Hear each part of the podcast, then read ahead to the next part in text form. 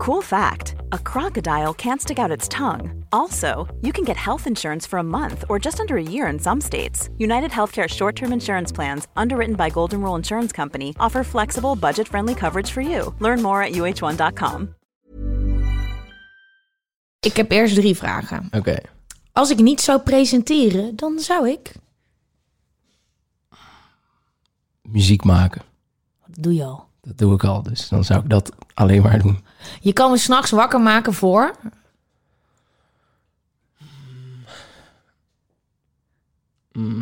Schattige apenfilmpjes. Nee. Ja, Is dat jouw ding? Ja, nou, dierenfilmpjes überhaupt, maar apenfilmpjes, zeker orang-oetangs, dat zijn echt mijn lievelingsdieren, ja. Oh, Oké. Mijn levensmotto is... Poeh, ehm, ja, klinkt misschien heel zweverig gelijk, maar zoveel mogelijk liefde en compassie verspreiden over de wereld. Jasper, let's Ja, sorry, go! Yes! Hallo allemaal, Wim van Poorten hier. Leuk dat je luistert naar Met z'n allen de podcast. Deze podcast is voor iedereen en met iedereen. Vanuit Café Chris Scholte in Amsterdam behandel ik vragen van luisteraars... en kunnen jullie live inbellen om mee advies te geven. Want samen is beter dan alleen. Iedere week schuift iemand aan om zijn of haar wijsheden te delen. En deze week is dat... Oké, ik ga je eerst introduceren. Voordat ik eh, eh, ga vertellen dat we absoluut niet in Chris Scholte zitten. Eh, hij werd op 14 maart 1991 geboren in Margraten. En begon al heel jong met theater.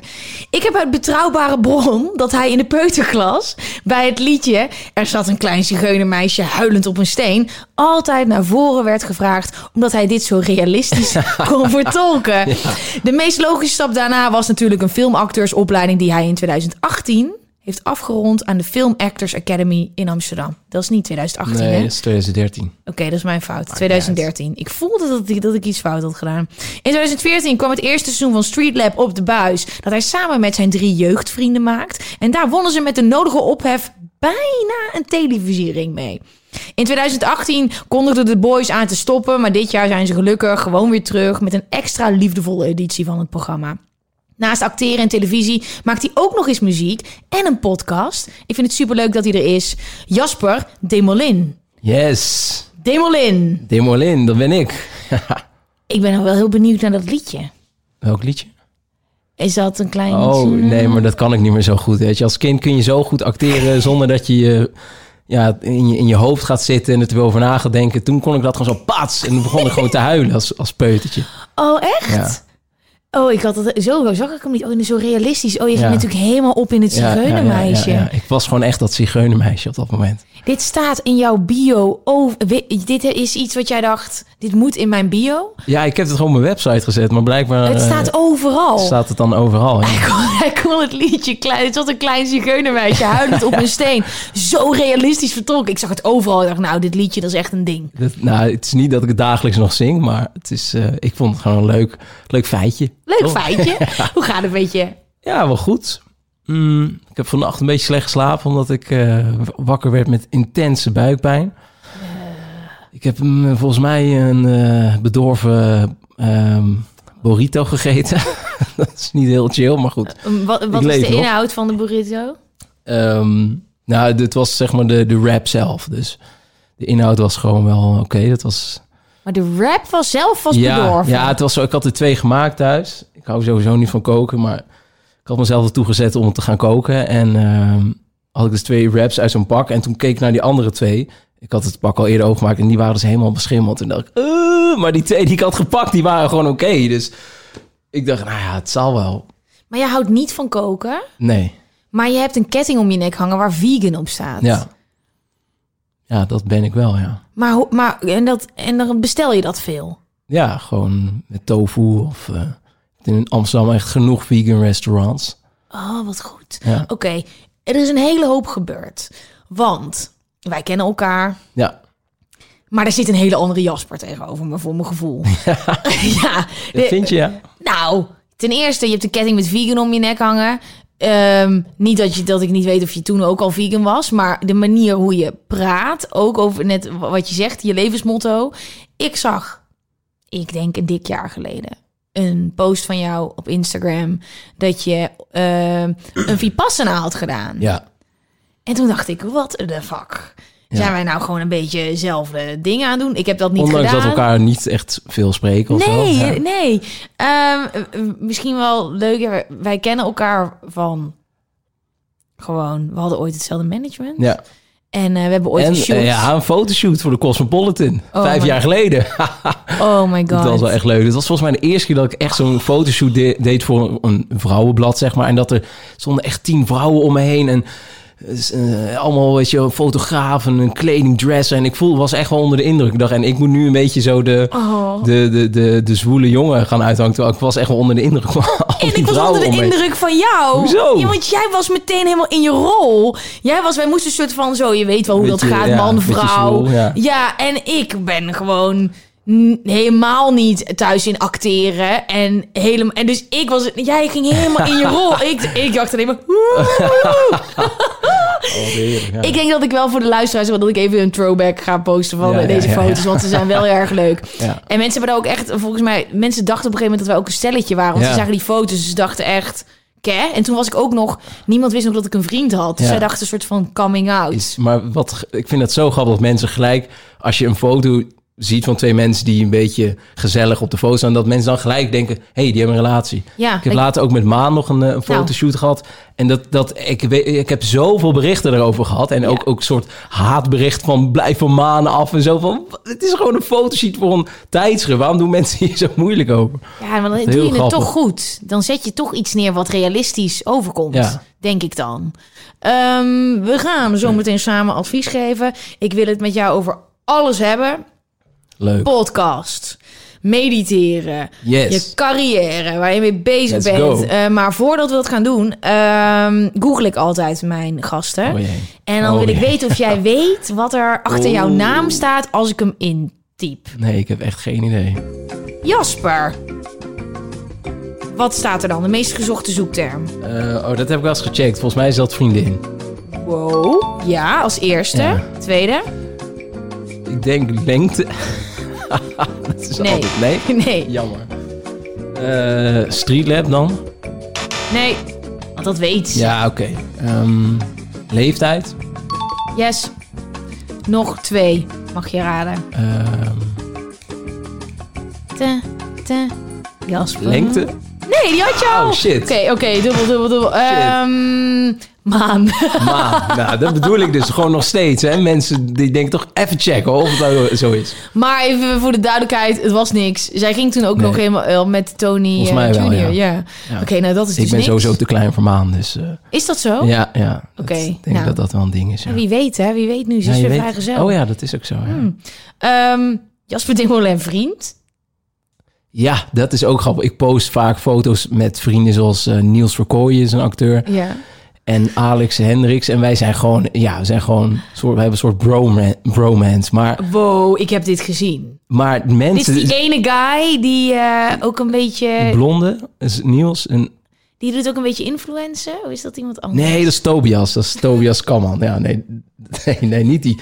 Maar op de een of andere manier, mensen zijn ook wel eens tijdens uitgaan naar me toegekomen. Is dat jouw vriend? En ik, ik post gewoon een foto met een vriend en we staan gezellig op een foto. Maar dan gaan mensen ook gelijk denken dat je een relatie hebt met, met iemand. Maar is dat dan niet de uitstraling die jij hebt? Ja, ik heb Want geen ik heb dat idee, met niemand van mijn gasten zo erg. Ehm, en bij jou is het nou, sta je naast een man op de foto, is dat je vriend, maan, vriendin? Ik heb geen idee, ja, blijkbaar. Je bent gewoon heel hecht. Je hebt gewoon een eh, liefdevolle uitstraling. Ik hoop het. Ja. Voordat we echt gaan beginnen met advies geven, even een paar huishoudelijke mededelingen. Ten eerste, ehm, we zitten niet bij Chris Scholten. Want de horeca is dicht. Er moest een nieuwe locatie komen. Eh, die, toppers van Chris Scholten, die, eh, die zijn ook gewoon dicht. Dus heel veel liefde naar iedereen daar, naar de stamkroeggasten. Ik mis jullie. En eh, jullie als luisteraars van de podcast, volg ze even op Instagram. Stuur ze even een lief berichtje. Want ja, we moeten wel laten weten dat we aan ze denken, toch? Ehm, verder, we zitten in Boot Co. Hotel Boot Co. Het is fantastisch. En je ziet deze setting misschien wel. Maar de kleurtjes, de lampjes, het gebouw, het uitzicht zien jullie niet. Maar Eh, wij kunnen hier terecht. Je kan deze ruimtes eh, huren en lekker eten en podcasts opnemen. Ehm, dus ik ben heel dankbaar. Dankjewel Hotel Boot Co. dat we hier lekker kunnen Die opnemen. hal beneden is ook echt super vet. Niet normaal, Ja. hè? Echt. eh, Super hoog en, en de hele inrichting is ook echt top. en dit is een plek om te zwemmen in de zomer. Wij waren hier al toen het 30 graden was voor Turbo Gwen. Oh. Hier liggen dan, maar dit is een soort verborgen spot in Amsterdam. Oh, maar nu weet iedereen het. Ik had dit namelijk gezegd eh, in een story, kreeg ik berichtjes van, "Sst, oh, dat echt? weet nog bijna niemand. Grappig. Maar nou weet Ehm, het. En deze week gaat er iets spannends gebeuren, want eh, één, we gaan eh, de challenge afronden, de meditatie challenge, waar iedereen lekker in zit. Ehm, iedereen wil dat we doorgaan en ik wil ook heel graag doorgaan, maar als we een heel jaar lang iedere ochtend samen gaan mediteren, ja, dan is het ook niet meer bijzonder, toch? Dus eh, alle video's blijven staan. Je kan altijd aanhaken. Wil je alsnog mee gaan doen? Volg Ed met z'n de podcast. Start bij video 0. Heel veel plezier ermee. We gaan het in november niet meer doen. Maar er komen wel andere leuke dingen. De podcast gaat door. Turbo Gwen gaat door. En er is een nieuw boek voor met z'n allen de boekenclub. Eh, en dat ga ik deze week bekendmaken. En ik ga er echt veel weggeven. Op YouTube, ehm, op Instagram. Het wordt fucking vet. Het is echt een fantastisch boek. Ik ben er al in aan het lezen. Jullie gaan dit awesome vinden. Oké. Cool. En door. Ik, ik moet echt zeggen, ik ben echt trots op je, Gwen. Echt? Ja, ik vind het zo cool wat je allemaal doet. En dat je nu die meditatie-challenge eh, bent gestart. Het is zo goed om dit soort dingen te, te promoten onder mensen. Er zijn bijna, ja, ik ken bijna geen mensen in Nederland die dit doen. Ja, en dat vond ik zo leuk, want ik zag dit bij jou. En ik heb Ja. dit altijd een beetje... Nou, niet voor mezelf gehouden, maar het was wel privé. Want ja, mensen hebben hele bijzondere ideeën rondom meditatie. En toen zag ik ook dat jij het aan het doen was. En toen dacht ik, wow... Het is niet alleen in mijn hoofd, want het is heel Nee. makkelijk om je te verliezen in die bubbel. Hè? Dat Ja. je denkt, oh, ik ben hiermee bezig.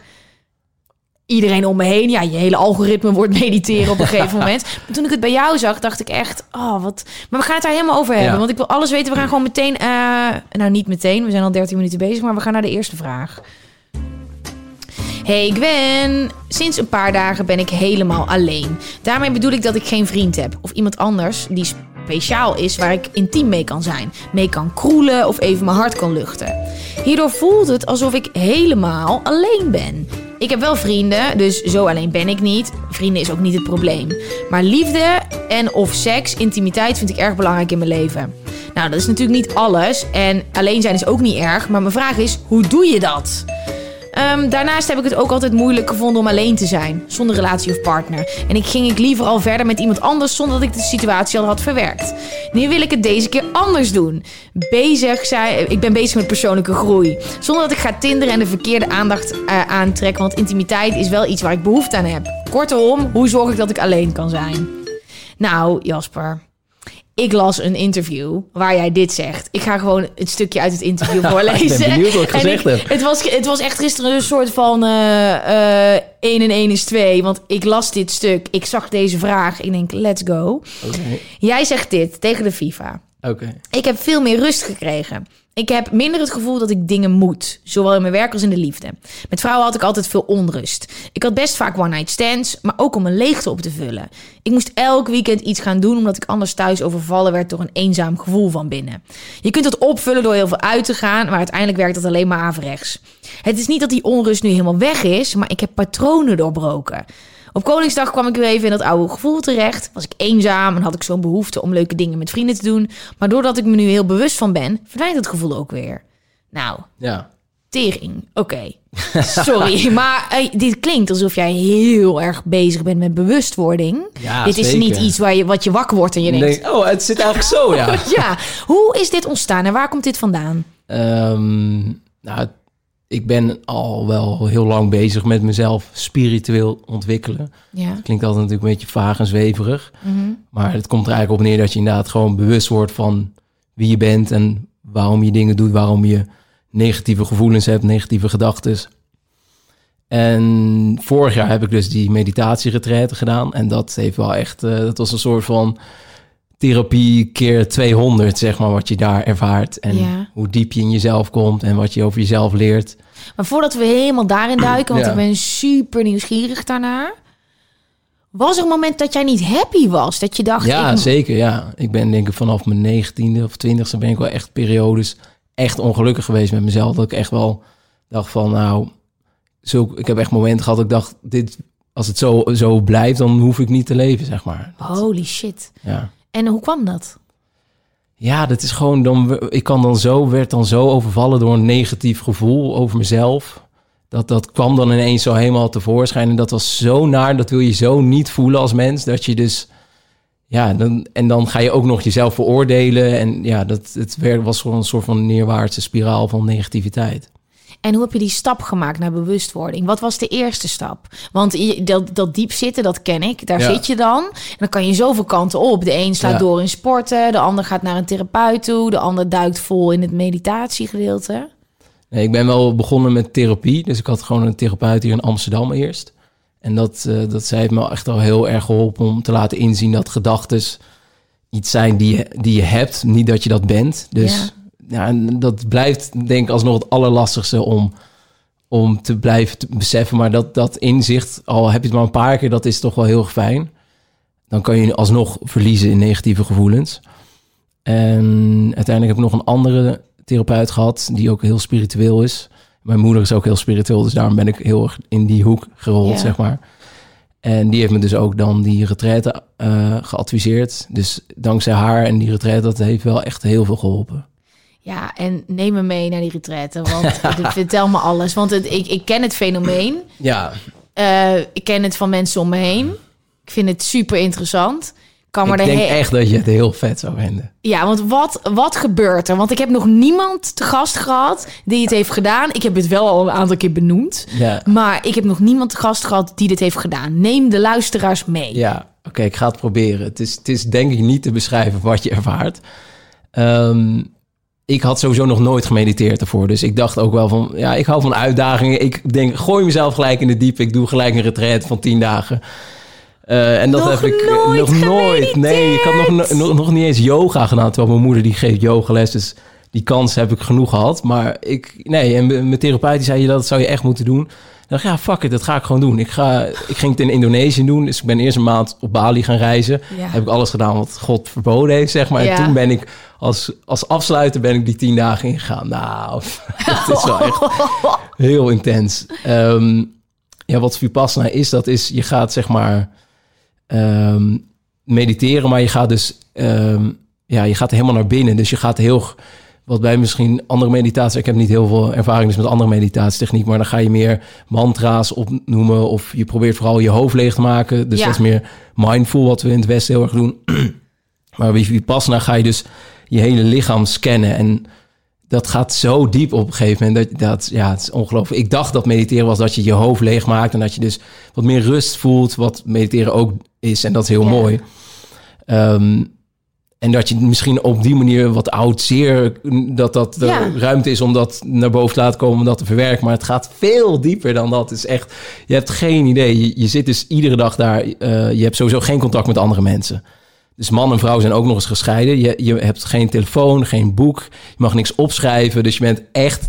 Ik ben nog nooit zo diehard gefocust op iets in mijn leven geweest als dit. Want je- er is gewoon geen afleiding. Ja, je eigen gedachten. Maar voor de rest is er niks dat je anders kunt doen. Ja.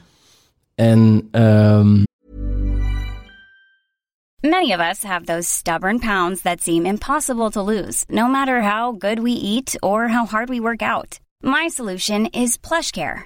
PlushCare is a leading telehealth provider with doctors who are there for you day and night to partner with you in your weight loss journey. They can prescribe FDA-approved weight loss medications like Wagovi and Zepbound for those who qualify.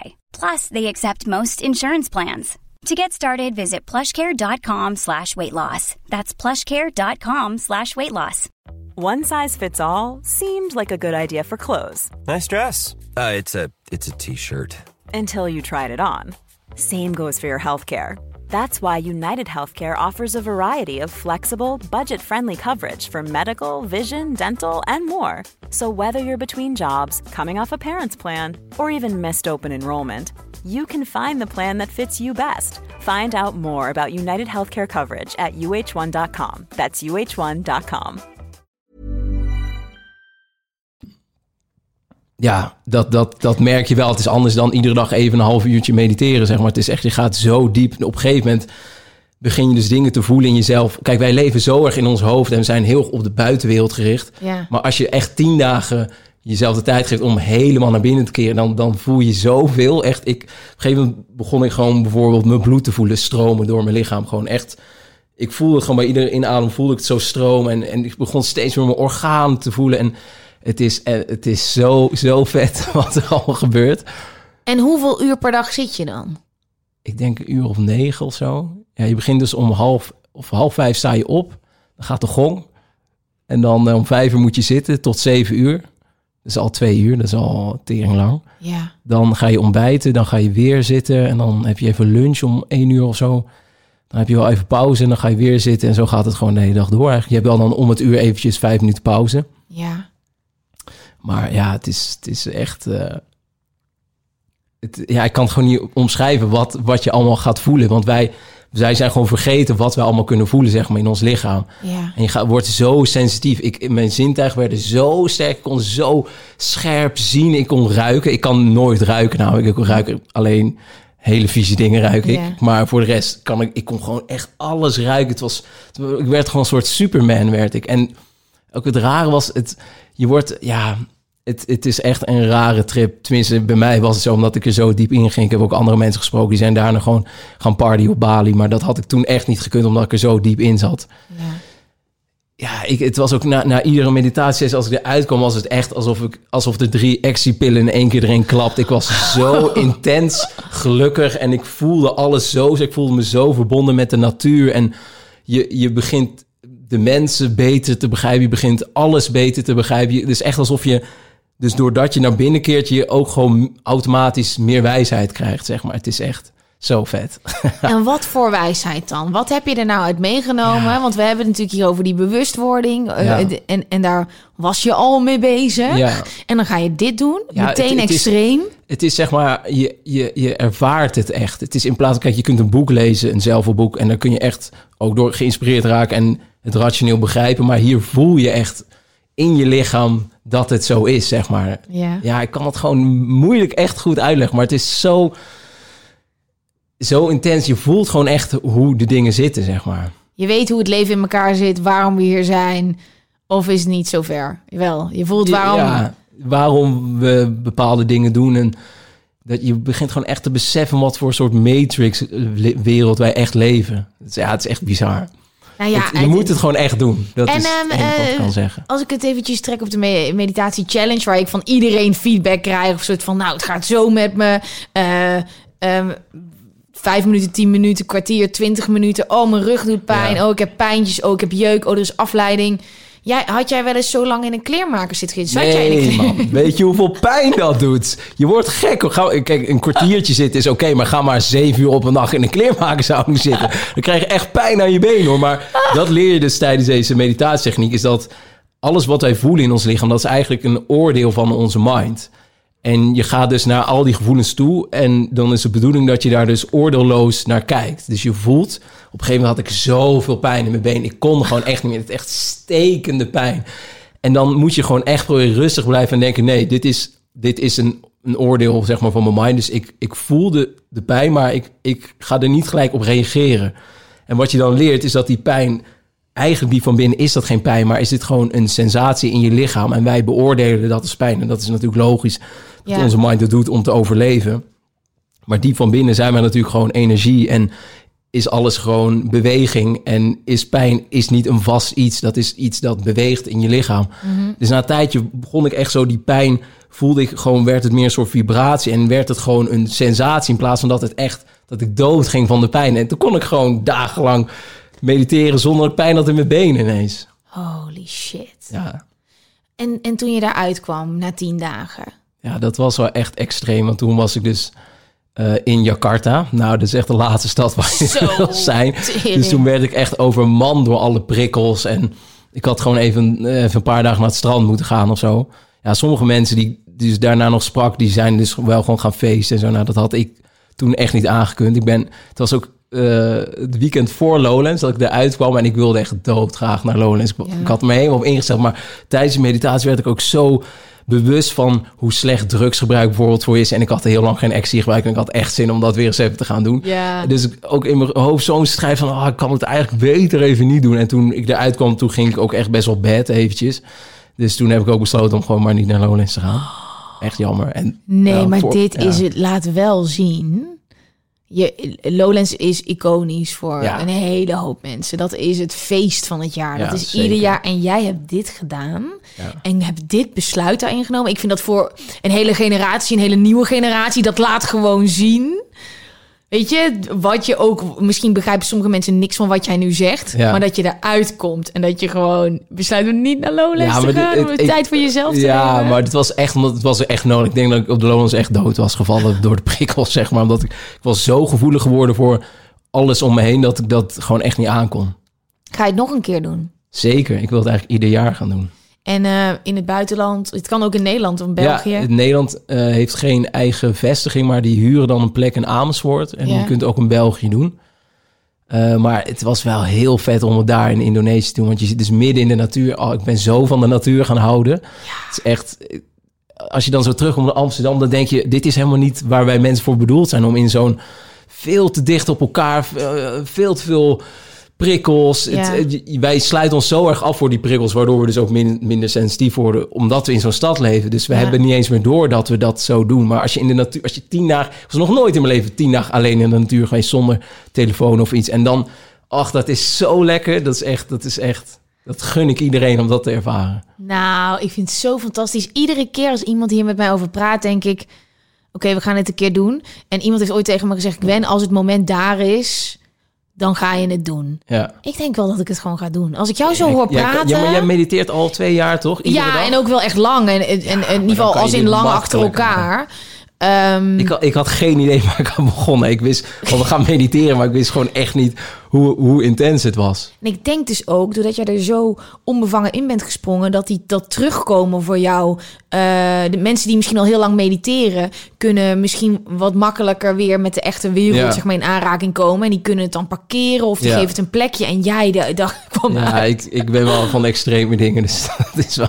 Ja. Het was, het was beter geweest dat ik het iets anders had aangepakt, maar... Wat is er veranderd voor jou na die eh eh meditatie-retreat? ehm Retraite. ja. Was je al vegan? Dat ben ik daar geworden, ja. Echt, daar, daarna heb ik gelijk besloten, ik word vegan, ja. Ik dacht al, ik zie vegan om jouw nek Ja. hangen. En ik dacht, als dat nou uit die meditatietrip Ja, is zeker. gekomen, dat is fucking vet. Want ik ben Ja. ook veel bewuster geworden van wat ik allemaal in mijn lichaam stop.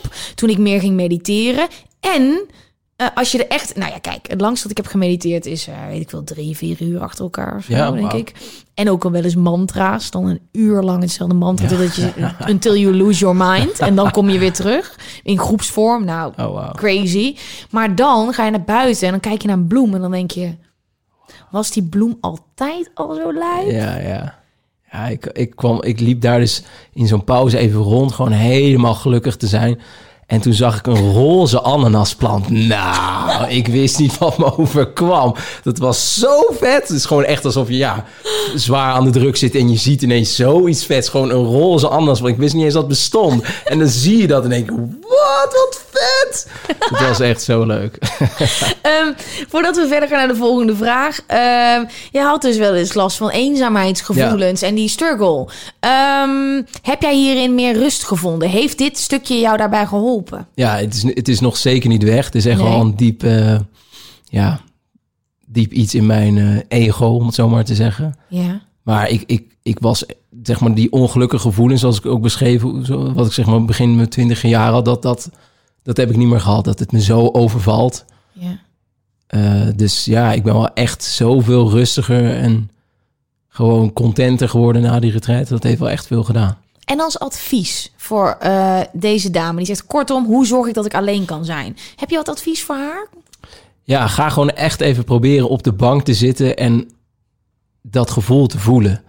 Dus wat wij doen is, we voelen dat gevoel en dat vinden we vreselijk. Dus willen we af van dat gevoel, dus gaan we het of opvullen... of we gaan weer een nieuwe relatie gelijk beginnen. Ja. Maar dit is echt het allermoeilijkste wat er is. Maar ga op de bank zitten en ga- eh, eigenlijk een soort van mediteren. Ga even, voel even wat dat gevoel is. En probeer er even met liefde en zonder oor- oordeel naar te kijken. En omarm dat gewoon even. En dat is echt de oplossing, want dan gaat het gevoel ook weg.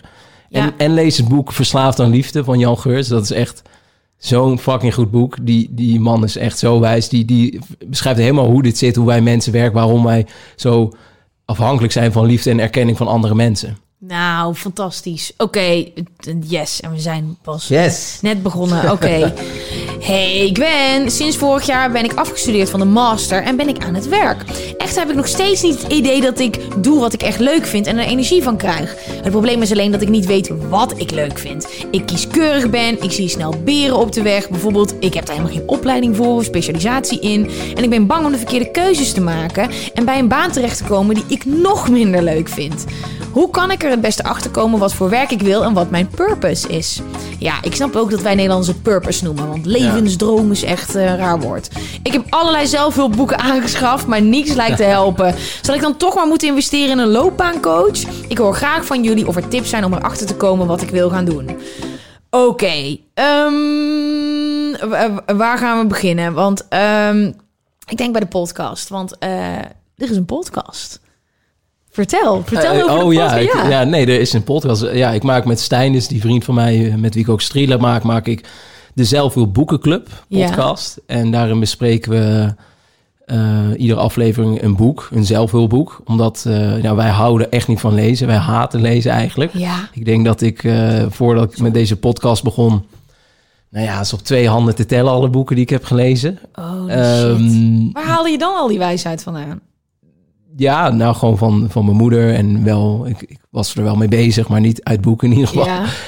Ehm, maar goed, Stijn en ik wilden ons wel ontwikkelen. We hebben allebei dus ook spirituele moeders. Dus we horen wel eens dingen als boeken van de kracht van het nu en zo. Dus, en eh, toen kwamen we dus op dit idee. En toen dachten ja, we gaan dus, wij gaan ons opofferen voor andere millennials zoals wij... die ook geen zin hebben om een boek te lezen, maar zich wel Ja. willen ontwikkelen. Gaan wij die boeken voor ze lezen en die bespreken we dan met de gast. En dan eh, hoef je alleen maar onze podcast te luisteren. Hoef je het boek niet meer te lezen. Dan kun je toch wat opsteken.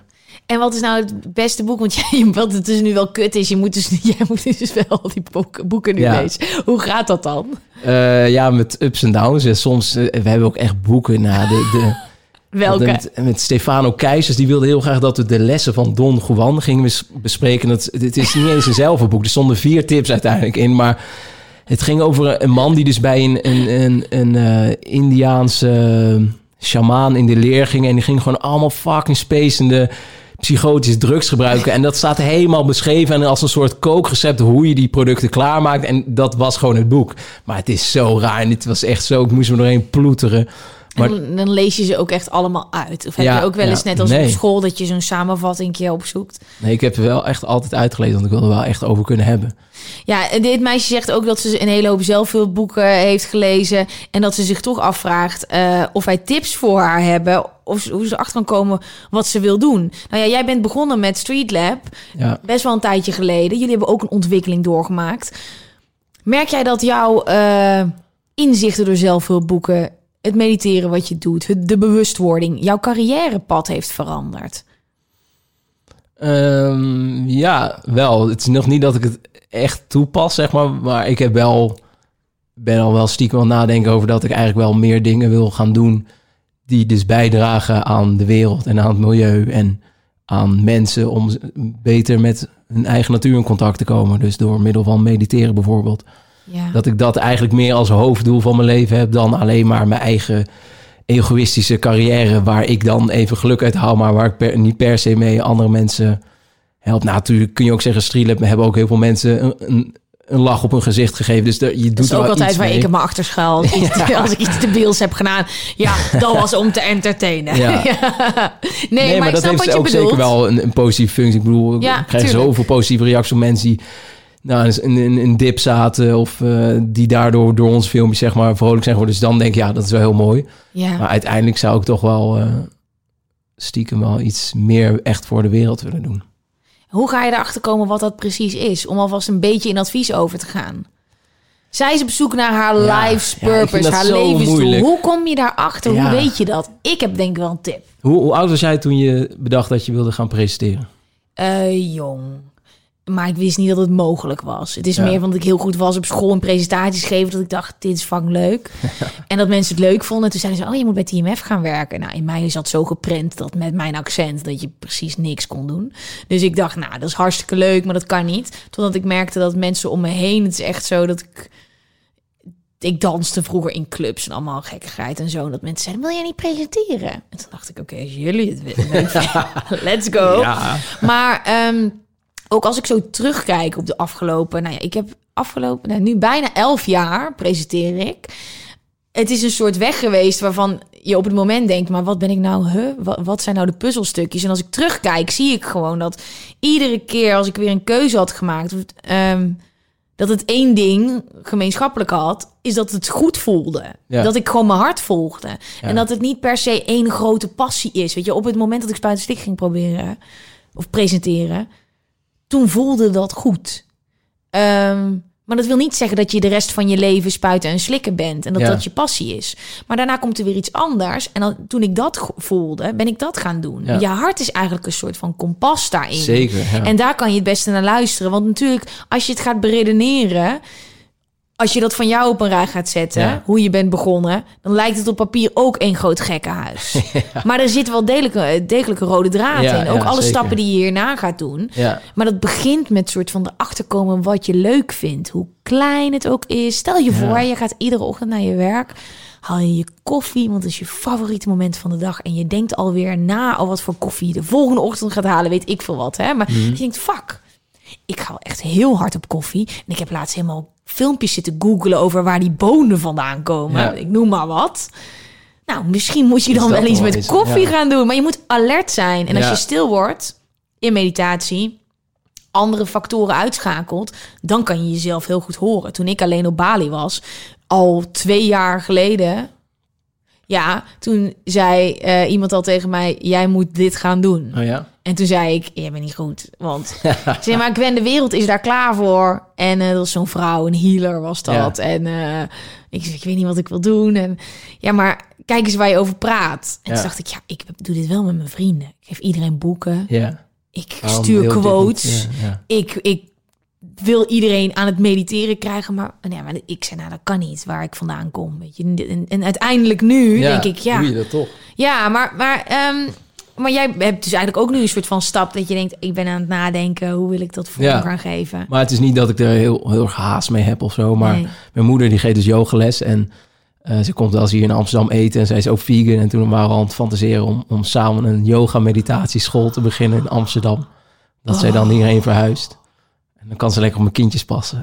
Oh my god, Dat wat ik een mooi echt- plan. Dat lijkt me echt te gek. Ja, Oh my, met je moeder ook. Ja, dat Ja. kan niet anders dan dat dat goed loopt. ja toch? Ja. Oh, wat goed. Ehm, ik hoor jou zo praten. Het is anders dan een paar jaar geleden. Hoe reageren jouw vrienden daarop? Ja, die, die kunnen er wel heel hard grapjes op maken dat ik een guru ben en zweverig. En ja, je bent weer boven de grond aan het zweven. Mijn vrienden zijn een stuk nuchterder dan ik. Dus, maar Ja. dat kan ik allemaal goed hebben hoor. Dus, Ja. Ook, ook de Street Lab Boys? ja, zeker. Die, eh, die, die, eh, maar ja, die ben ik ook de hele dag inderdaad advies aan het geven uit, die ik uit de boeken haal. Dus, Ja. maar dus ze vinden het wel leuk, maar ze, af en toe denken ze ook, ja, nou is wel even goed, eh guru. Ja, en zo grappig is dat, hè? Ja, Maar, ik Maar vind- dat is ook het lastige aan, aan, dat, aan ja, spiritualiteit. Ik wil niemand... Ik wil niet belerend overkomen of mensen zo van zeggen van zo moet het. Je wil het liefst dat mensen zelf het inzicht krijgen van oh ja, dit, dit moet ik doen, weet je wel. Ja. Je kunt mensen niet gaan dwingen om te mediteren bijvoorbeeld. Dat moeten mensen echt zelf gaan bedenken van ik ga dit nu doen. ja. Dus dat is gewoon heel moeilijk dat je... je wil, ik wil graag de wereld verbeteren, maar ik moet eerst een manier vinden hoe ik dat ga doen zonder dat ik ga zeggen jullie moeten niet meer vlees eten. Ja. Weet je wel, dat is ja, zo... is eigenlijk gewoon. Ik heb dat in het begin, kon ik daar ook helemaal geen balans in vinden. En ik heb gemerkt dat het goede voorbeeld geven, dus het moment dat ik het losliet de rest en zelf fucking lekker ging Ja, en mijn ding deed, dat mensen echt dachten: wow, ik weet niet wat, wat ben je, dat, wat, dat wil ik ook. Ja. wat is dit? Maar echt iedereen, van ook dat mijn vriend op een gegeven moment tegen me zei: ja, die boekjes en ik weet het niet allemaal wat je aan het doen bent, maar als ik zie hoe het met jou gaat en op een gegeven moment ook de dingen die je aan gaat trekken, alles gaat voor je werken en de mensen die om je heen staan, die denken echt: ja, dit kan niet anders dan dat, er, dat ze iets doet. Nou, dan moet ik toch maar eens een keertje ook dat mediteren, of dan moet ik toch maar eens gewoon kijk eens hoe fit die Jasper is. Eh, kijk hoe lekker die in zijn vel zit. Nou, ik ga dat toch wel Fit vegan als in... doen. eh, Fit als een... eh, paats. maar niet van die... je moet niet van die bedorven burrito's gaan eten. Nee, dat, dat helemaal niet. Maar mag ik nou jou nog even een kritische vraag stellen? Ja, graag. Want ik ben niet kritisch genoeg. Wa- waarom eet je vlees? Ehm, ja, ik, omdat ik het gewoon nog niet kan laten. Maar ik vind het echt naar wel van mezelf. Dus ik zit echt al op het punt. Ik vind het zo hypocriet van mezelf. Dat ik zo lekker ga op kleine dieren, lieve dieren, hondjes, varkentjes, olifantjes, koetjes, kalfjes. Ja. En dat ik het aan de andere kant opeet. Ja. Ik kan dat niet aan mezelf verantwoorden. En Ja. dat is één grote frustratie. Maar ik hou ook fucking erg van frikandellen. Ja. Ja. Heb jij daar tips voor? Want ik kan gewoon Ja. niet indenken dat ik bacon niet eet. Ja, het, het, ik, ik weet niet. Ik, bij mij is er gewoon echt zo'n knop omgegaan. Ik heb wel vorig jaar oktober nog een biefstuk gegeten, weet ik. En met kerst wilde ik ook mijn, mijn Limburgse familie niet te veel tot de last zijn. Want daar ben je dan toch ook weer bang voor door Ja. te zeggen... ja, maar ik wil geen vlees eten dit kerstdiner. De Limburgse familie Ja. komt Jasper met een gouden ketting Ja, om zijn nek... waar vegan. vegan op staat van zijn meditatieretraite. Oh, vet. Ehm, maar, Maar- toch, ja, ik, ik, ik ben ook steeds meer... Eigenlijk ben ik door die retraite er in één keer mee gestopt. Omdat je daar kreeg alleen maar vegan eten. En was echt fucking lekker. En ze, ze leggen daar heel erg uit hoe de wereld met energie werkt. Dat je, ik geloof heel erg in de law of attraction. En als jij gewoon dieren opeet die gewoon op brute wijze zijn... Nou. om het leven gebracht... Dat is gewoon niet goed. Dat voelt toch niet goed om dat te doen. Je moet een keer Cowspiracy kijken, die documentaire. Nou, dan, dan denk je, gadverdamme, waarom doen we dit? I know. De, eh, Okja kwam die binnen bij mij. Oh, die heb ik niet gezien. Oh, gast. Oh. Okja is een klein dik varkensolifantje. Is een soort, eh, is een geanimeerd figuurtje. En die gaan ze helemaal vetmesten en in de jungle op laten groeien. En, nou, dat is kort door de bocht, maar het gaat over de, over de vleesindustrie. Ja. En dan gaan ze dus, eh, nou, ik ga niet, nou, je snapt vanzelf ook wel waar het naartoe gaat met Okja. Maar toen kwam dat heel erg binnen, want ja, je ziet niet de koetjes en de varkentjes als die lieve dieren. We waren op een buffelfarm in Nederland, eh, ik met mijn vriend.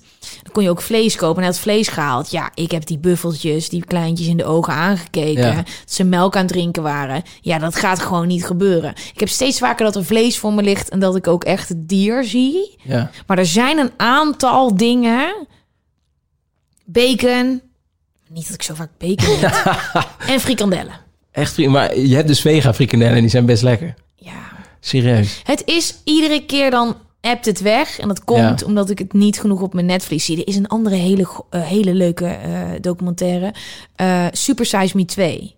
Oh, die ken ik ook niet. Ken je Super Size Me 1? Ja, die die hem de hele tijd McDonald's ja, eet. Ja, en laat zien hoe slecht dat voor je is. Ja, nou, Super Size Me 2 gaat hij in de kippenindustrie in Amerika. Nou, ook iedere keer zijn er... zijn- Maar ja, ik vind een goede kritische vraag. Het is een vraag die ik mezelf ook stel. En dat Ja. ik dat app dan weer weg. En ik Kijk, kan... mensen willen eh, weten het stiekem eigenlijk wel, maar ze willen het gewoon niet we- weten. Ze doen maar oogkleppen op en doen alsof het e- eigenlijk niet zo erg is. Maar de vleesindustrie is, is eigenlijk gewoon de moderne slavernij. Dat, dat, dat kan gewoon echt niet hoe er met dieren wordt omgegaan. Nee, I know. I know. weet je dat per jaar eten wij of worden er 65 miljard dieren geslacht? Per jaar. Weet je hoeveel miljard, hè? Weet je hoeveel mensen er ooit hebben geleefd op de aarde? Nee. 110 miljard. Dus in twee jaar tijd eten wij, slachten wij evenveel dieren als er ooit aan mensen hebben rondgelopen op onze aarde. En die gaan echt niet allemaal op een vredelievende manier eh, worden die geslacht.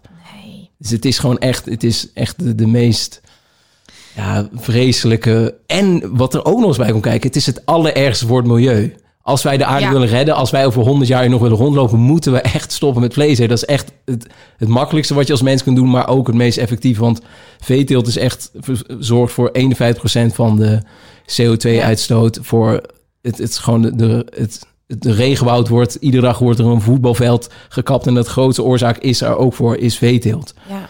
Dus Je hebt 100% gelijk. Je hebt helemaal ja, en, gelijk. ik, en dit, is, dit voelt dan alweer zo belerend, maar het is, Nee, we moeten gewoon echt bewust hiervan worden dat het gewoon echt erg is. Ja. Het is niet meer een kwestie van, ja, maar ik, ik, ik vind het lekker of dus van, het is zielig voor de dieren. Het is gewoon echt, ja. als wij gewoon onszelf als mens serieus nemen en nog willen leven over 100 jaar, dan moeten we echt Ja. daar iets aan gaan doen. Je hebt helemaal gelijk. Ja, ik, ik zit na te denken over mijn vlees eten.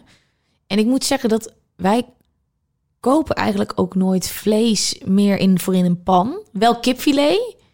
Maar de, we hebben eigenlijk dat we nooit meer thuis. Het is eigenlijk altijd tofu of tempeh of zalm. Ja, top. Een vis. Dus ik merk wel dat wij dat wij dat is iets veranderd. Ja. Nu, nu ik er zo over nadenk, er is de afgelopen tijd wel iets veranderd. Maar ja, er gaat nog wel een, een biefstukje bij Loetje, een Ja. frikandel bij de snackbar en bacon bij Dus een, is bij een ik- ik- buffet. Dat is, daar zat ik dus aan te denken om Loetje een, een, brief te schrijven of ze niet een vegan eh, biefstuk willen bedenken. Want ik hou dus heel erg van die vleesvervangers. Die vind ik echt top. Die ja, vega kip en zo. Maar je Vegan- heb je de, de, hoe heet het nou, de Beyond Burger wel eens gehad? nee. Ach, die is echt, die is lekkerder dan de meeste hamburgers uit de Albert Heijn. Ja? Die is echt top. Je proeft echt geen verschil. Ik wil er nog wel een keer een test mee doen met mensen. Dan heb je echt het gevoel dat je vlees eet. Dus het, het geeft toch ja, de mindfuck dat je vlees eet. Ja. En het is lekker en het is beter voor de wereld. Vegan shawarma van Albert Heijn Top. is. Heb, eh, ken je die? Ja, de, de van Albert Heijn zelf. Ja? ja die is ook echt Oh lekker. mijn Van god. Vivera is ook echt top. Ja, oh, oké. Ja. Nou, Dus ik, er eh, zijn echt genoeg opties. En ja, je moet het voelt. Kijk, mensen vinden het gewoon heel moeilijk omdat ze het gevoel hebben iets te moeten opofferen. Waar ze gewoon heel graag gehecht zijn. En het zit zo diep geweven in onze mensheid dat wij vlees eten. Dus vind het gewoon iets van mij. Dit wil ik niet weggeven. Ja. Maar stel je open voor de mogelijkheden. Want er is echt heel veel mogelijk. En je redt de wereld er een beetje mee. Dus Ik ga nu echt die vegetarische spekjes proberen. En een vegetarische frikandel. En dan ga ik je laten weten hoe het is. top. Ja, oké. Ehm, we moeten nog heel eventjes advies geven. Oh ja. Hoe vind je je purpose? Het is wel heel lastig. Ja, ik was gewoon heel vroeg al bezig met dingen die ik gewoon ontzettend leuk vond. Dus eh, filmpjes maken, muziek maken. Dus ik wist gewoon al, dat ga ik doen. Ik weet ook niet zo goed wat je moet doen als je het gewoon echt niet weet. Ik Maar wat je- ja, oké. Maar wat jij zegt, dat je gewoon open, openstelt voor dingen die jij heel leuk vindt. Dus waar, waar jij je hart sneller van gaat kloppen. Als dat inderdaad koffie is, ga dat onderzoeken. Als, als je van dieren houdt, ga daar iets mee doen. Als het, weet ik veel, het kan alles zijn. Ieder mens heeft wel iets waar hij interesse voor heeft. Dus probeer dat eh, te onderzoeken, denk ik. Ik denk dat eh, hoe stiller je wordt, hoe meer je je afsluit. Of dat nou door tien dagen stil te zijn is of iedere ochtend of whatever. Maar gewoon wat meer in de gaten houdt waar je aandacht naartoe gaat. Eh, waar zoek je veel op op YouTube? Wat koop je veel? Kijk eens in je huis om je heen. Dat je Ja. denkt, fuck, kijk, ik heb ook een soort besef gehad. Oh Gwen, je koopt echt vet veel boeken, zelfhulpboeken, meditatie. Huh? Oh ja, dit, oh, willen andere mensen dat ook? Weet je, op een gegeven moment ga- gaat dat lichtje daarop schijnen. Houd bij een boekje, bij schrijven werkt ook. En maak een soort projectje van. Geen frustratie. Het is gewoon leuk. Je bent Ja. op, op eh, avontuur. Oké, nou, we gaan weer door. Eh, volgende vraag. Hey Gwen, ik ben 22 jaar en ik ben relatief veel bezig met meditatie, ademhalen, koud douchen, gezonde voeding, etc. Dit komt omdat ik het erg interessant vind, maar ook omdat het omdat het gedaan wordt om je beter te voelen, gelukkiger te worden en lekker door het leven te gaan. Maar wat ik me dus al een tijdje afvraag, in hoeverre is het goed om constant bezig te zijn met hoe ik me voel? Ben ik gelukkig? Is het soms niet, juist goed om het even een tijdje, om er even een tijdje niet mee bezig te zijn en lekker go with the flow te gaan? Dat mediteren heeft een plek gekregen in jouw leven. In ieder geval, het heeft, je hebt het tien dagen Ja. gedaan. Dan is natuurlijk de vraag, Of ik het nog steeds doe. ja, Ja, het, het, het, het schommel. Dus het, het, deze zomer heb ik het er echt bij laten inschieten weer. Maar ik ben het nu weer aan het oppakken. En dan doe ik het iedere ochtend een half uur en iedere avond een half uur. Maar eh, eigenlijk adviseren ze na die retraite dat je het iedere ochtend een uur doet en iedere avond een uur. En dat heb ik echt een tijdje daarna ook gedaan. Eh, maar ja, dat, dat vereist wel echt flinke discipline om dat te doen. En ja, als je dan, ik, als ik een draaidag heb of zo, ik moet al vroeg op, dan ga ik, heb ik echt geen zin om nog een uur eerder op te staan om dan dat te doen. Maar het, het, ik weet zeker dat het echt wel loont om dat te doen. En jij hebt zegt net, oh mijn god, ik zag een roze ananas, ik werd gek. Ik Ja. weet, ik voelde mijn bloed. Het was zo Ja, life-changing. En dan alsnog kan je dan niet die discipline vinden om Ja. het te doen. Dat is eigenlijk gek, toch? Ik, ik heb zelf hetzelfde probleem, hoor. Maar ja ik weet het, ja. Maar ik denk wel dat dat steeds meer gaat veranderen. Het is gewoon even, je valt er even terug en dan ja, ga je weer zo en langzaam word ik een guru en dan ga ik alleen nog maar de hele dag mediteren. ik heb echt momenten gehad in mijn leven. Als ik terugkom van zo'n vakantie, dan denk ik, weet je wat ik ga doen? Ik ga gewoon lekker iedere dag naar de yogeschool. Ga ik lekker wandelen. Ja. Ga ik even kijken of er zo'n gallery is. Mooi in de Spiegelstraat. Waar ik ooit lekker schilderij kan kijken. Muziekje op, podcastje. En dan ben ik tevreden. En dan Ja. langzaam Sluipt de, de normale... komen ja. er weer dingetjes. En dan Ja. zijn er centjes en vette projecten. En voordat je het weet zit je soort van met je handen in het haar. Oh mijn god, het is zo druk. Ja, het is zo grappig hoe dat gaat. ja, ja dat, maar we, zijn ook, we blijven gewoon mensen. Hè? Ik bedoel, Ja. We zijn niet gelijk allemaal verlichte boeddha's. Dus Zeker niet. het, Ehm, het, het is gewoon een proces. En eh, hoe blijf je met dat proces bezig? Buiten meditatie zijn er dingen die jij doet. Ehm, ja, vooral veel eh, zelfhulpboeken lezen dus. Ja. Ik heb er met mijn moeder dus veel over. Zij is ook heel veel bezig met workshops en eh, boeken. Nou, ze is al de hele leven mee bezig. Dus Wat is je favoriete boek? eh, nu Verslaafd aan Liefde. Ja? Ja, heb je die gelezen? Nee. Ja, want ik heb daar dus helemaal lezen. geen last van. Dus ik denk Nee, dan... maar het gaat, het gaat gaat verder dan alleen... daarover. Hij spitst het toe op, op de liefde, de liefdesrelatie.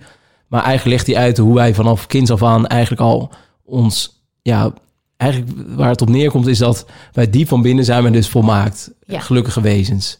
Maar zodra we geboren worden, beginnen wij ons afhankelijk te maken van onze moeder en van onze ouders. En wij, iedere keer als zij, zeker tijdens het opvoeden, ons eh, goedkeuren als we bijvoorbeeld op het potje plassen, dan voel je een soort van liefde van je ouders. En denk, hey, kijk, nu mag ik, er, mag ik er zijn, nu doe ik er toe. Maar als, als je dan weer iets niet goed doet, dan voelt dat als een afwijzing. En daardoor eh, creëren wij een negatief zelfbeeld, wat dus eigenlijk de grootste illusie is die er is. Maar diep van binnen, ieder mens heeft een negatief zelfgeloof van... ik ben niet goed genoeg, ik mag er niet zijn. Ik, ik, dat kan van alles zijn, maar je voelt je eigenlijk diep van binnen niet goed genoeg. En we zijn ons hele leven bezig om dat gevoel maar niet te voelen. Ja. Dat is dus ook die eenzaamheid die dus ineens omhoog kan komen. En wij houden ons aan allemaal regels om maar dus niet dat gevoel te voelen. Ja. Eh, en wat wij doen, wij richten ons helemaal op de buitenwereld om dus die erkenning en liefde te krijgen. Terwijl wat er eigenlijk gebeurt als je verliefd wordt op iemand, dat vind ik super mooi, is dat ehm, diegene eigenlijk jou weer in contact laat brengen met je eigen geluk en volmaaktheid van binnen.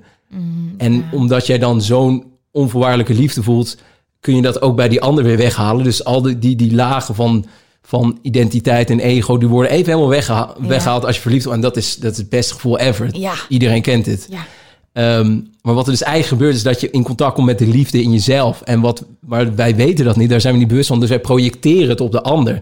Dus wij denken, diegene is de leverancier van mijn geluk. Waardoor je afhankelijk wordt van die persoon. Ja. En dat gaat uiteindelijk altijd mis. Want de, diegene gaat nooit meer, dat, dat, dat, dat gevoel ebt weg. En, maar je bent nog wel afhankelijk van diegene. Dus je bent dan niet gelukkig als je die liefde niet krijgt. En dan Ja. uiteindelijk loopt het altijd mis, zeg maar. En hij legt zo goed uit in dat boek hoe dat werkt. En hoe je daar dus door middel van meditatie eh, wel weer echt in contact kunt komen met, met je diepe, volmaakte zelf. Dit kan jij ook echt heel goed uitleggen, naast dat hij het goed nou, uitlegt. ik weet niet. Ik vind het altijd toch moeilijk om dit soort dingen zo Nou. to the point eh, goed uit te leggen. Nou, dit ging heel goed Ja, hoor. En ik snap wat je bedoelt. Dat is dus ook zo dat je eigenlijk pas echt echte liefde kan vinden als je oké bent met jezelf. Zeker, want anders ben je altijd bezig met dus iets van die ander te krijgen. Maar dat, dat je moet eigenlijk Heel zijn. Ja, je moet een, een echte relatie. Kijk, ik kan er niet echt over praten. Want mijn langste relatie was anderhalf jaar. Maar ik heb er volgens mij veel over geleerd door die boeken. Is dat je allebei gewoon je individuele leven hebt. Maar dat je elkaar helemaal steunt in elkaars groei. Ja. En hij zegt zelfs vreemd gaan. Dat is. Dat vind ik zo mooi. Want dan wij projecteren. Kijk, wat er gebeurt als. Je hebt een partner die zegt tegen jou, Gwen, ik ben vreemd gegaan. Wat er dan gebeurt is dat het feit dat diegene is vreemd gaan, dat wakkert een pijn in jou aan. Dat is een herinnering uit jouw jeugd of wanneer dan ook. Ja. En die pijn die komt omhoog. En wat er gebeurt, dan word jij versmelt je met die pijn. En dat is een vreselijk gevoel, want dat is zeg maar dat diepe negatieve zelf van zie je, ik doe er niet toe, ik ben niet goed genoeg. En wat je dan, dat gevoel wil je ook eens niet voelen. En wat we dan doen, we projecteren het op die ander. Dus die, jij, jouw schuld en jij moet stoppen met vreemd gaan. Maar Ja. eigenlijk is diegene alleen maar de, een trigger om jou te laten zien van... Tenminste, niet eh, om Ja. te laten zien, maar hij triggert jou met jouw eigen pijn. En dat is jouw verantwoordelijkheid. Tuurlijk is het niet goed als een partner vreemd gaat, maar... Het is zo grappig dat dat dan zo van... Dat, dan is een relatie gelijk slecht of zo als een partner. Terwijl eigenlijk is het, gebeurt iets heel belangrijks... is dat jij dus wordt in contact gebracht met dat diepe negatieve geloof van jezelf. Dus als al die geloven zijn opgelost, Dus je bent helemaal oké met jezelf in de ideale wereld. Hè? Dus, ja. dus dan zou het je niks doen als je partner vreemd gaat. Eh, ik, ja, dat kan ik moeilijk zeggen, maar ik denk het niet. Want dan is het zijn probleem. Het is sowieso die, die persoon zijn probleem dat hij blijkbaar iets in zichzelf nodig heeft om liefde bij een ander te halen. Dus het is die worstelt eigenlijk met het probleem. En het is jouw verantwoordelijkheid dat het jou pijn doet dat diegene vreemd gaat. Ja, dus het is, ja, iemand anders geeft... dat- Je relatie is altijd een soort van spiegel, soort van. Ja. Zo heel, het- heel grappig ook dat het moment dat je in een relatie komt... dat je dan... Ik heb bij mijn laatste, of mijn laatste, die van nu... dat het moment dat we samenkwamen... dat je in één keer soort van in een heel, heel diep ontwikkelingsproces komt met jezelf. Ja. Dat ik, ik had alleen maar gewerkt altijd.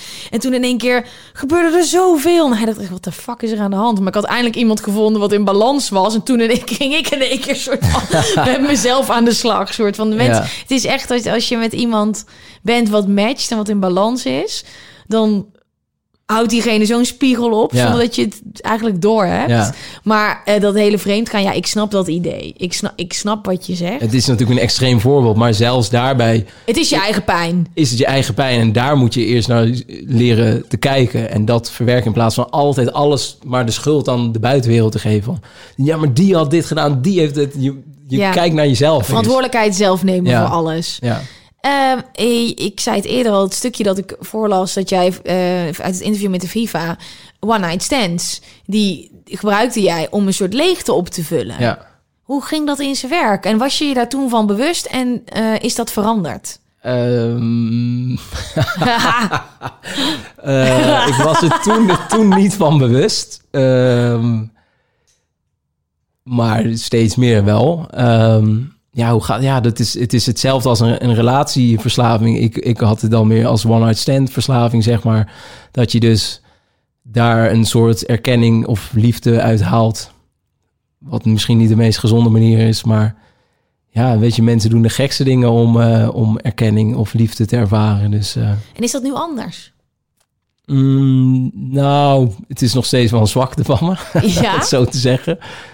Maar het is niet meer zo erg als toen. Ik was niet meer zo. Ik ben er nu niet meer afhankelijk van, zeg maar. Het is niet. Ik werd gewoon onrustig als ik een weekend, eh, nou, laat ik zeggen, geen seks had gehad of zo. Echt? Nou ja, ja, gewoon Ja, wel.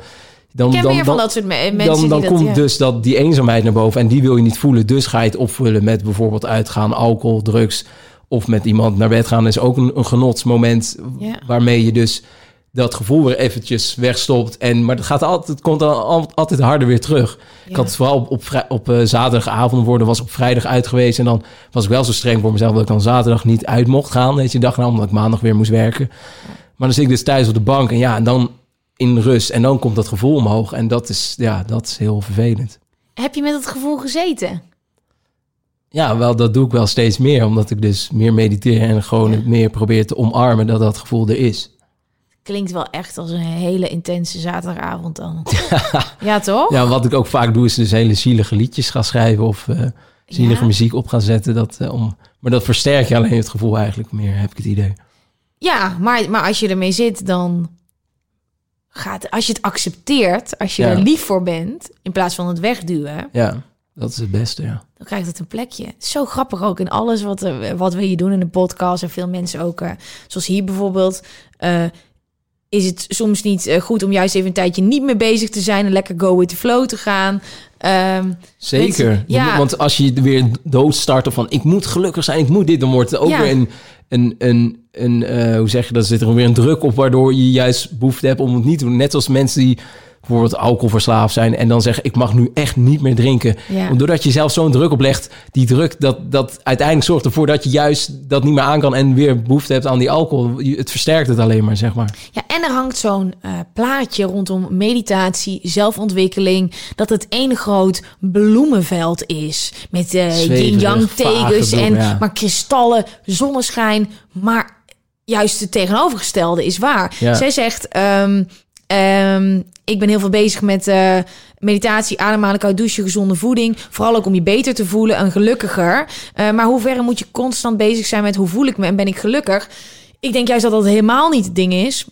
In mijn geval is het juist heel erg dat ik erachter ben gekomen dat een hele hoop dingen me geen geluk brachten. Dat ik in die patronen ben gedoken. En net als dat jij zegt met die eenzaamheid Ja. zitten en waar komt dat vandaan? Bij mij waren dat ook hele ingewikkelde, complexe dingen waar ik mijn identiteit aan verleende. Nou, geloof me, er zijn, er zijn geen gezellige dagen als ik daarmee zit en als Ja. ik dat aan het verwerken ben. Ehm, ik ben ik- niet aan het focussen op hoe ik gelukkig kan zijn, want dat is zoiets ongrijpbaars, maar Ja. meer van, hey, wat voor dingen doe ik en waar komt dat vandaan en welke gevoelens vind ik niet zo chill en wa- waar komt dat vandaan? Een soort van zelfonderzoek. En er is een, er ligt, er- het lijkt zo of iedereen die bezig is met mediteren en zo dat die altijd gelukkig zijn, maar ik denk dat Nee. nee toch? Nee, maar dat, dat is ook, ook weer dus een valkuil om dus dat geluk zo na te schrijven. En het is heel goed, denk ik, om bij jezelf in te checken van... hey, hoe voel ik me eigenlijk? Maar ook hoe je dan ook voelt, dat moet je dus ook weer leren te omarmen. Ja. Want als je dan negatief voelt of je hebt een rotdag... en dan gaat ook nog eens gaat balen van het feit dat je je rot voelt... dan ben je jezelf in het kwadraat aan het neersabelen, zeg maar. Dus dat, Dit dat, heb ik heel lang gedaan. dit- dat werkt juist niet. Dit was echt, ik ben niet gelukkig. Wat de fuck is er aan de hand? Hoe kan dat nou? Want Ja. alles om me heen doe Ja. ik, heb ik, topbaan. Leuke vrienden, lekker, alles klopt. En dan raakte ik in paniek, omdat ik dacht, maar ik ben niet gelukkig. Ik Ja. moet dit nu fixen. En dan dat wordt groter, groter, totdat druk, het ja. ontploft. Ehm, ik denk dat wij heel eventjes ehm, kort advies gaan geven met een muziekje, want dat is gezellig. Is het soms niet juist goed om eventjes een tijdje niet bezig te zijn en lekker go with the flow te gaan? Jasper, take it away. Zeker. Ik denk dat het heel goed is om sowieso met de flow mee te gaan. En wel dat het belangrijk is om bij jezelf in te checken van hoe voel ik me eigenlijk? Ben ik blij? Voel ik me rot? En laat dat gevoel er gewoon zijn. Probeer dat liefdevol te omarmen. Ik sluit me daar helemaal bij aan. Nou, ik hoop dat dit een goed antwoord is. En je bent sowieso lekker bewust bezig. Het is ook, het is ook een weg in en eh, je bent aan het Ja. leren. En als je dat leren gaat zien als winnen, dan ben je helemaal Ja. eh, daar. Oké. Ehm, Oké, we gaan even naar de volgende vraag. Hey lieve Gwen, hopelijk gaat het wat beter met je stem. Nou, het gaat best goed. Ehm, ik ben Moos, 23 en ik heb advies nodig. Ik ben nu dus 23 en nog nooit echt verliefd geweest. En dus ook nog nooit een relatie gehad. Zelf heb ik er ook niet echt behoefte aan of zin in. Voorbeeldje. Ik had laatst weer Tinder geïnstalleerd en ik werd alleen maar gefrustreerd van de meldingen en ik heb het weer verwijderd. Maar de maatschappelijke druk op je 23ste die neemt wel toe. Soms vraag ik me af of er niet iets mis met me is. Zeker omdat iedereen om me heen wel al lange relaties heeft gehad. Hebben jij en je gast tips en adviezen? Oh, ik heb zin om Moos te knuffelen. ja. Nee, er, er is sowieso niks mis met je. Dat, dat, dat is het eerste wat ik wil zeggen. Nee, nee. En, en is zo lief dat hij dat zegt, dat dan de maatschappelijke druk Ja, toeneemt eh, op je 23 maar gast, je bent ten eerste nog fucking jong. ja. Ehm, en in je hoofd gaat dan misschien ook, denk ik, juist dan naar die stelletjes en dat je dat zelf Ja. dan denkt dat die druk er ligt. Ehm, ik heb ergens gelezen dat jij bindingsangst hebt. Mm, Ja, het is niet dat ik, ik... Ik denk diep van binnen dat ik dat wel heb. Omdat ik gewoon niet, zeg maar van mijn twintigste tot nu mijn 29 niet heel veel relaties heb gehad. En niet heel lang. En is Dus- dat bewust? Is er dan een bepaald punt? Of is de intentie er ook niet? Eh, hoe bedoel je? Is de intentie er om een lange relatie te Ja, hebben? tuurlijk. Uiteindelijk wil ik gewoon gelukkig worden met iemand. En wil ik heel graag kinderen. Dus tuurlijk. dat, dat is ook echt al als je nu met een meisje bent dat je dan denkt: oké, dat zou, het zou zomaar kunnen. Maar het is het iedere keer niet. Ja, dus ik, ik ben gewoon... Vrij snel kom ik erachter dat ik denk... Ja, dit, dit is niet iemand waar ik verliefd op ga worden, denk ik. Dus... ehm, ja, misschien ben ik te kritisch ook, maar... Ja, dat hoor je vaak mensen zeggen dat ze dat dan denken. Maar ja, Ja. van, je luistert ook volgens mij als geen ander naar je gevoel. Ja, maar Wat dan zijn er ben van ik die dus dingen waardoor- gewoon nog niet degene tegenkomen bij wie dat zo is. En dat vind ik ook helemaal oké. En eh, waar zoek je dan naar? We niet zoeken, maar hoe ziet, wat is de Ja. ideale vrouw? Hoe, wat, Ja, hoe ziet zo'n ik- pakketje eruit? ja, Want als jij van niet, dingen hoor. aantrekken bent, Ja, dan nou, ik geloof erin dat het ook gewoon zo allemaal moet komen. Maar ik vind dat wel interessant om te weten. ja, ik heb dus niet een, een, een beeld van hoe iemand eruit moet zien, maar... Ja, ja, ik, tuurlijk val ik op mooie vrouwen met mooie uitstralingen. Maar ik vind het ook wel belangrijk dat ze nou ook bezig is met zichzelf te ontwikkelen. En zeker spiritueel te ontwikkelen. Ik denk wel dat uiteindelijk iemand bij me past die dat ook heeft. Want dan ben je op eenzelfde level, denk ik. Oh mijn god, ik ga zoveel inboxberichten krijgen. Luister. Stuur ze door.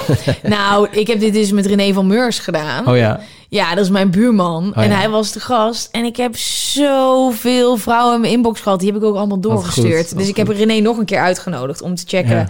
binnenkort van... Yo, René, tell me more. Volgens mij is die ook wel op de- ged- heeft hij gedate en zo. En Hmm. ik zei altijd al helemaal in mijn hoofd. Ik, nou, wat nou als er een soort van met z'n allen de podcast baby komt. ja, maar, maar eh, ja, ik weet nu al dat er heel veel vrouwen... Ja, jij zoekt een vrouw die bezig is met zichzelf. Ja. Hallo, welkom bij Met z'n allen de podcast... Ja, waarvan fucking veel vrouwen alleen maar bezig met zelf, eh, zijn met zelfontwikkeling. wel.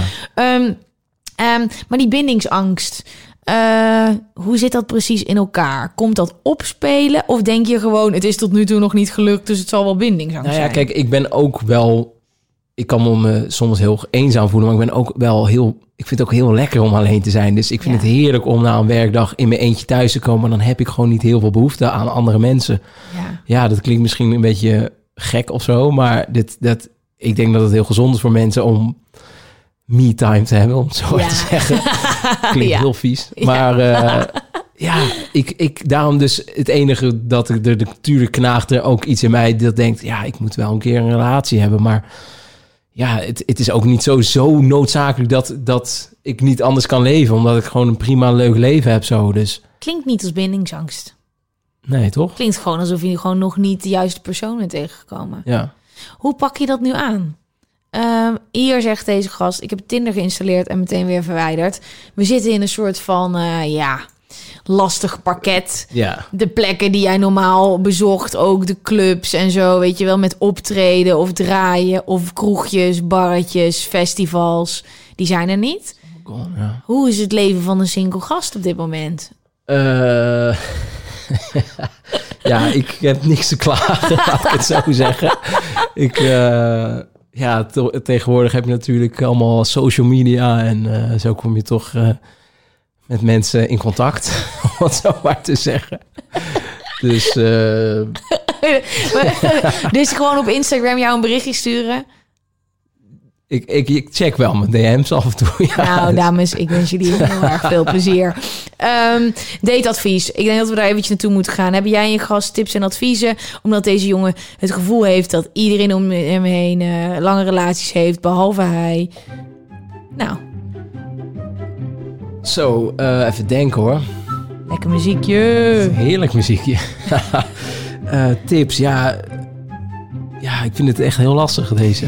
Ik denk dat je je niks moet aantrekken van iedereen om je heen. Want die hebben helemaal geen fuck te maken met jouw situatie. Ja. En iedereen die nu een relatie hebben, die kunnen misschien als jij dadelijk tegen je dertigste aan de vrouw van je dromen ontmoet, allemaal relaties die allemaal uit elkaar zijn gevallen. Maar ehm, dat hoeft natuurlijk niet. Maar ik denk dat als je erachter komt dat het leven een soort van geen wedstrijd is en dat je buurman of je buurvrouw of je beste vriend die hebben niks met jou te maken. Ieder heeft een eigen verhaal en een eigen leven en iedereen is uniek. En die focus op anderen, die frustratie, dat zorgt alleen maar voor een muur. Jouw ogen blijven dan dicht. Jij bent veel te veel Ja. bezig met frustratie. Kut, iedereen wel. Als je dat gewoon weghaalt, gaan denk je ogen open en dan zie je misschien het meisje aan de overkant van de straat wel staan. Ja. Prachtig, heb je dit eh, Ja. verwoord. Zo, en ik heb, van, en ik heb al eh, vijf jaar een relatie. Vijf jaar. Tering, ja. Ik dacht, ik wist gewoon ook eventjes niet. Ik dacht er deze week aan, hoe lang is het nou ook alweer? Want dit jaar is een soort van twilight zone. Ik dacht, deze zomer was het vijf jaar, maar ik dacht, is het nou al weer zes? Maar dat is gewoon, is gewoon één grote Ben je, ben je daar nog mee bezig? Is, vier je dat nog of zo als je dan... Of Mm, ja, is dat een beetje van, oh ja, schat, eh, Nee. trouwens. nee, nee, nee, nee, nee. We, hebben het we hebben het heel hard gevierd wel. Ja. Vooral vijf jaar. Maar ik vergeet steeds de datum. Oh ja. Ehm, en het is in de zomer, dus dat willen we wel. Ja, dat is wel leuk. Ja, Ja. maar, het, maar eh, ja, we hebben het op tijdloos gevierd. We zouden Oh eigenlijk ja, naar een hotelletje ook nog een keer gaan. heen gaan. Joh, jij gaat tijdloos helemaal fantastisch het is vinden. nu al dicht. neem ik Het is nu dicht, maar eh 2021, wie weet. Go. Ja, laten we gewoon deze weer doen. Ja, leuk. Hoi hoi, het gaat de laatste tijd al vaker over afleiding van je telefoon en hoe je dat kan oplossen. Ja jongens, ik heb daar een turbogram over gemaakt, ben ik vet trots op. super fijn en super interessant. Nu heb ik alleen nog een probleempje. Tijdens het studeren werk ik echt niet efficiënt. Ik heb dan ineens, zonder dat ik het door heb, mijn telefoon in mijn handen zitten op Insta. En zit ik op Insta. Dus dan zet ik mijn telefoon uit en dan heb ik binnen een half uur drie keer de situatie dat ik mijn telefoon in mijn handen heb en als een debiel op de aanknop druk en dan pas besef dat die uitstaat. Maar goed, als mijn telefoon dan uitstaat, zorg ik zo weer voor andere afleiding. Rondkijken op Funda, het nieuws lezen, ineens even een smoothie maken. Je kunt zo gek niet bedenken.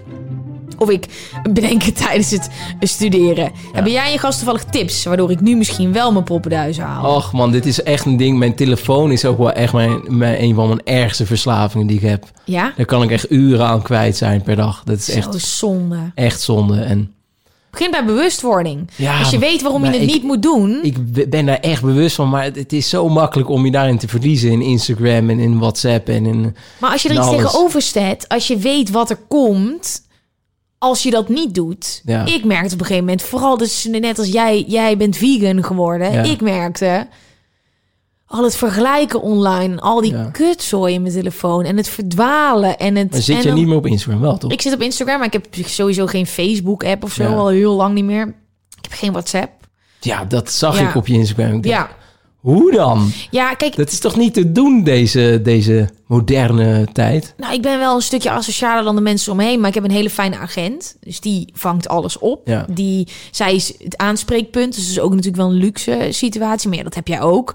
En verder weten de mensen om me heen, en die vinden het wel moeilijk. Maar ik ben gewoon niet op commando de hele tijd voor iedereen bereikbaar. Ja. Want ik ben heel dat is zo raar. Dat, dat, we hebben dat gevoel dat we dat moeten zijn. Onze Ja. mail, WhatsApp, dat we de hele tijd non-stop bereikbaar moeten zijn. Maar dat is, slaat nergens op. Dat, Nee. Je kunt een mail ook prima een dag later beantwoorden. Het slaat nergens op dat je...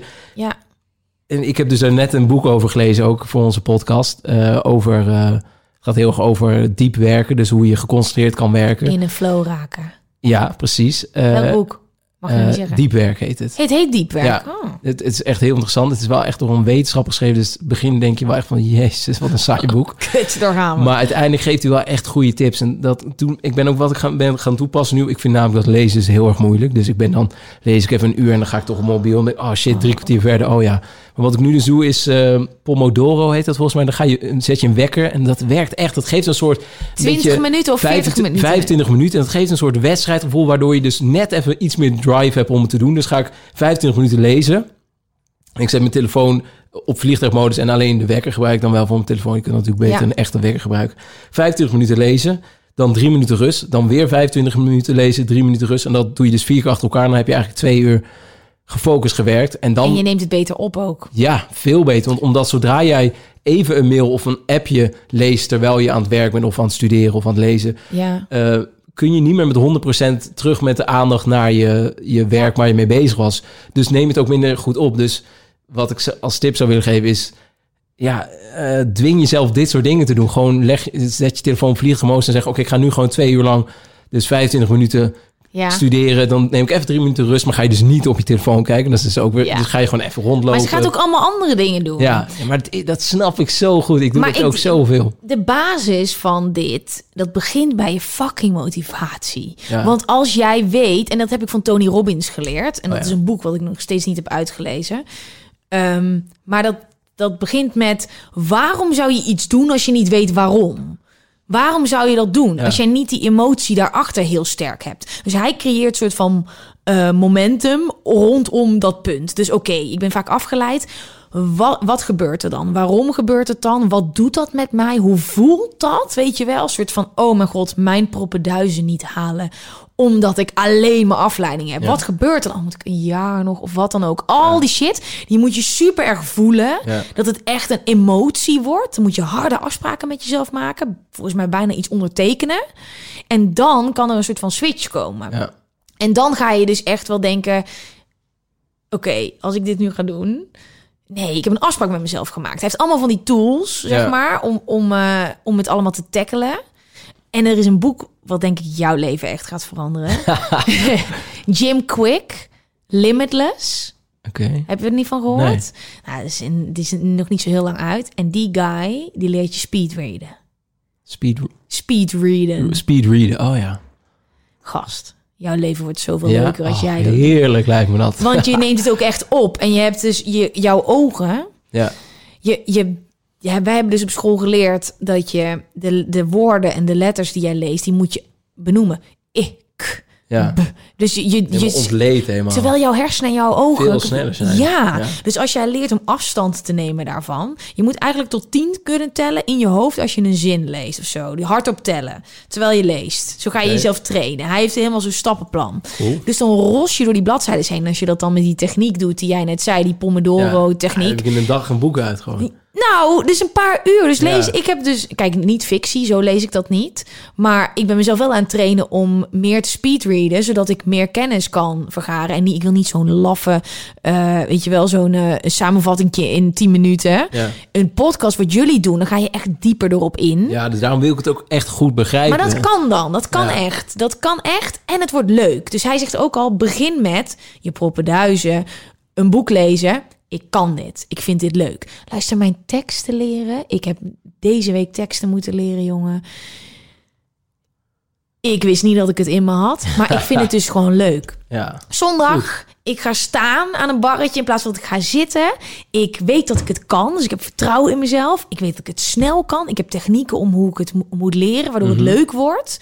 En daardoor pak ik mijn telefoon dan niet, veel minder. Ja, ja, Ga ik niet lanterfanten, omdat je die emotie verandert. Want heel veel van dit soort afleidingsshit is ook omdat je het niet... "Ah, ik wil het niet, ik vind het niet leuk, afleiding, ah, blokken. Terwijl als jij denkt, luister...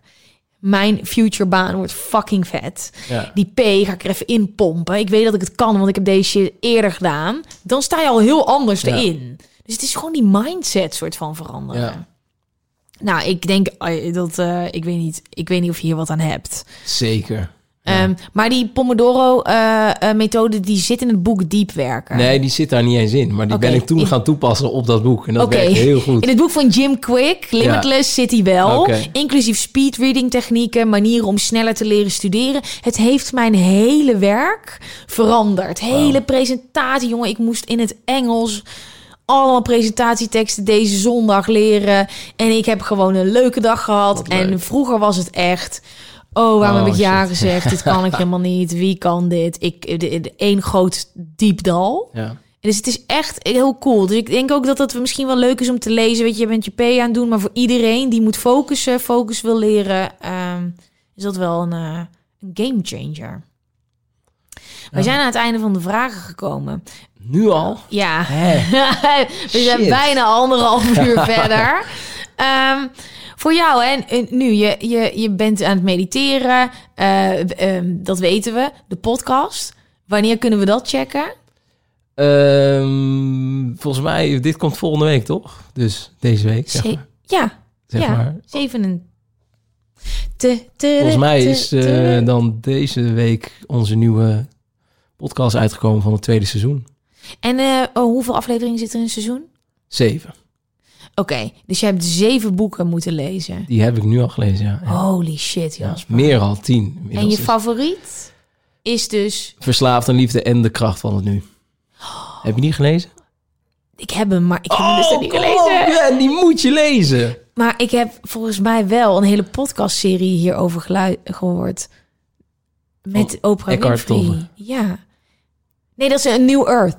Die Ja, dat is dezelfde schrijver. Ja, maar, dat, Ja. Is, maar dat, is, dat is een heel ander boek natuurlijk. Ja. Ik heb daar een podcastreeks over. Ja. Dat, dat is een fucking dik Het is echt, want zeg maar wat ik dus allemaal ervaarde tijdens die retraite, dat kon ik niet goed onder woorden brengen. Of, Ja. Maar doordat ik dus dat boek, De Kracht van het Nu, ging lezen, het was gewoon alsof die beschreef, zo van, ja, dit klopt gewoon en dit is precies ook wat ik ervaren heb. Het is zo vet hoe hij dat gewoon, het is voor heel veel mensen misschien een beetje zweverig, dus moeilijk, eh pittige kost. Maar daarom raad ik liever eh Verslaafd en Liefde aan. Maar Kracht van Nu gaat zo diep in over mediteren, in het moment zijn, wat ons ego is. Het is echt zo vet.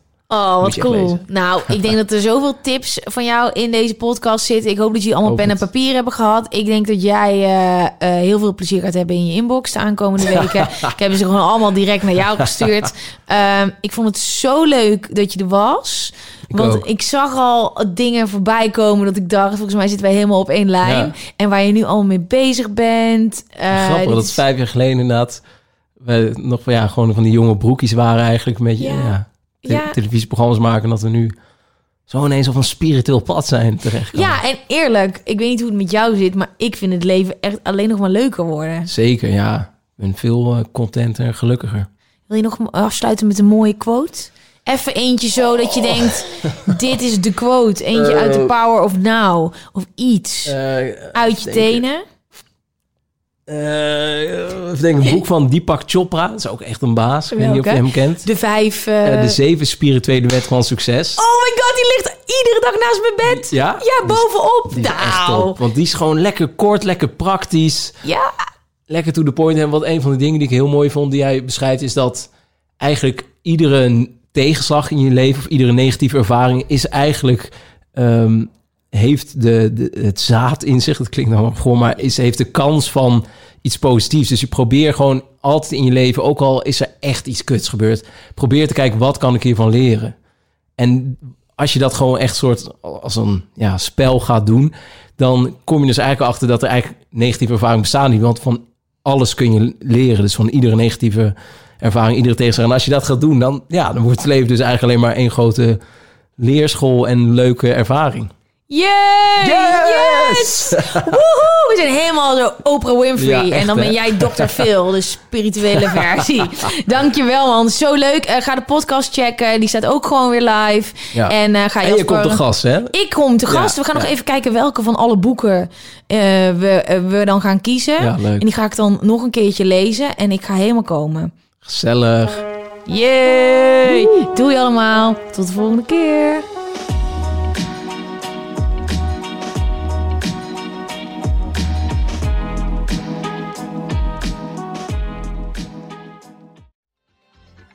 Weet je waar ik zo'n tyfushekel aan heb?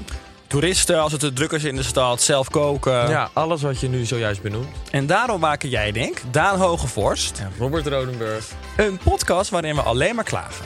Want klagen is HET medicijn tegen het collectieve leed wat maandag heet. Dus elke maandagochtend een nieuwe te horen op je favoriete podcast-app. Maandag Klaagdag! Jezus, zingen moeten wij nooit doen.